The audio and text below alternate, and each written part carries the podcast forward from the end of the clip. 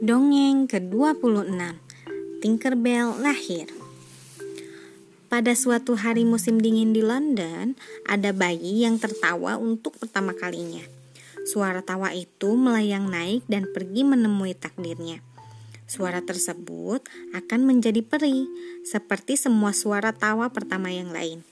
Suara itu langsung terbang menuju bintang kedua di kanan dan menerobosnya dalam semburan cahaya. Di sisi lain terdapat Neverland. Suara tawa itu meluncur menuju tempat ajaib di jantung pulau. Namanya Pixie Hollow. Rumah para peri. Vidya, peri terbang paling cepat di antara mereka, membimbing si pendatang baru ke pohon debu peri. Di sana, penjaga debu peri bernama Terence memercikinya dengan debu peri dan suara itu pun mewujud menjadi peri mungil. Clarion, ratu para peri, membantu si pendatang baru membuka sayapnya yang tipis.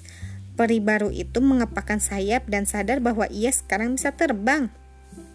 Ratu, Ratu Clarion melambaikan tangan dan beberapa jamur bermunculan di sekeliling sumur debu peri. Peri-peri segera terbang untuk meletakkan berbagai benda di jamur-jamur itu. Rosetta, peri taman, membawa sekuntum bunga. Silver Mist, peri air, membawa setetes air. Iri desa, peri cahaya, menampu, menaruh lampu di meja jamurnya. Mereka akan membantu menemukan bakatmu, sang ratu menjelaskan pada peri baru. Pendatang baru itu dengan takut-takut menaruh tangannya pada bunga yang indah. Kilau bunga segera meredup. Ia meraih tetesan air, tapi kilaunya juga menjadi meredup. Si peri terus bergerak tanpa menyentuh apa pun. Ia takut gagal lagi. Tapi kemudian terjadi sesuatu yang menakjubkan. Ketika ia melewati martil, benda itu mulai berkilau. Kemudian martil melayang meninggalkan meja jamur dan terbang mendatangi si peri. Belum pernah aku melihat benda berkilau seterang itu, Silver Mist berkomentar. Vidya cemberut, ia memiliki salah satu bakat paling kuat dan langka di Pixie Hollow. Ia tidak mau disaingi.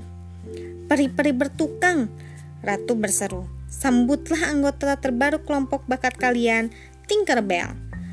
Peri bertumbuh besar bersama bernama Clank dan peri berkacamata bernama Bubble maju untuk menyambut Tinkerbell.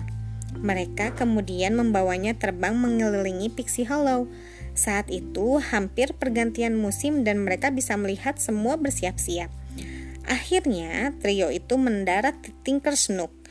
Tink memandang sekitarnya dan melihat peri-peri memperbaiki serta mendandani berbagai macam benda yang menakjubkan dan berguna. Ia tahu akan senang tinggal di situ dan penuh semangat untuk mengetahui bakat perik uniknya. Sekian, terima kasih telah mendengarkan. Selamat malam.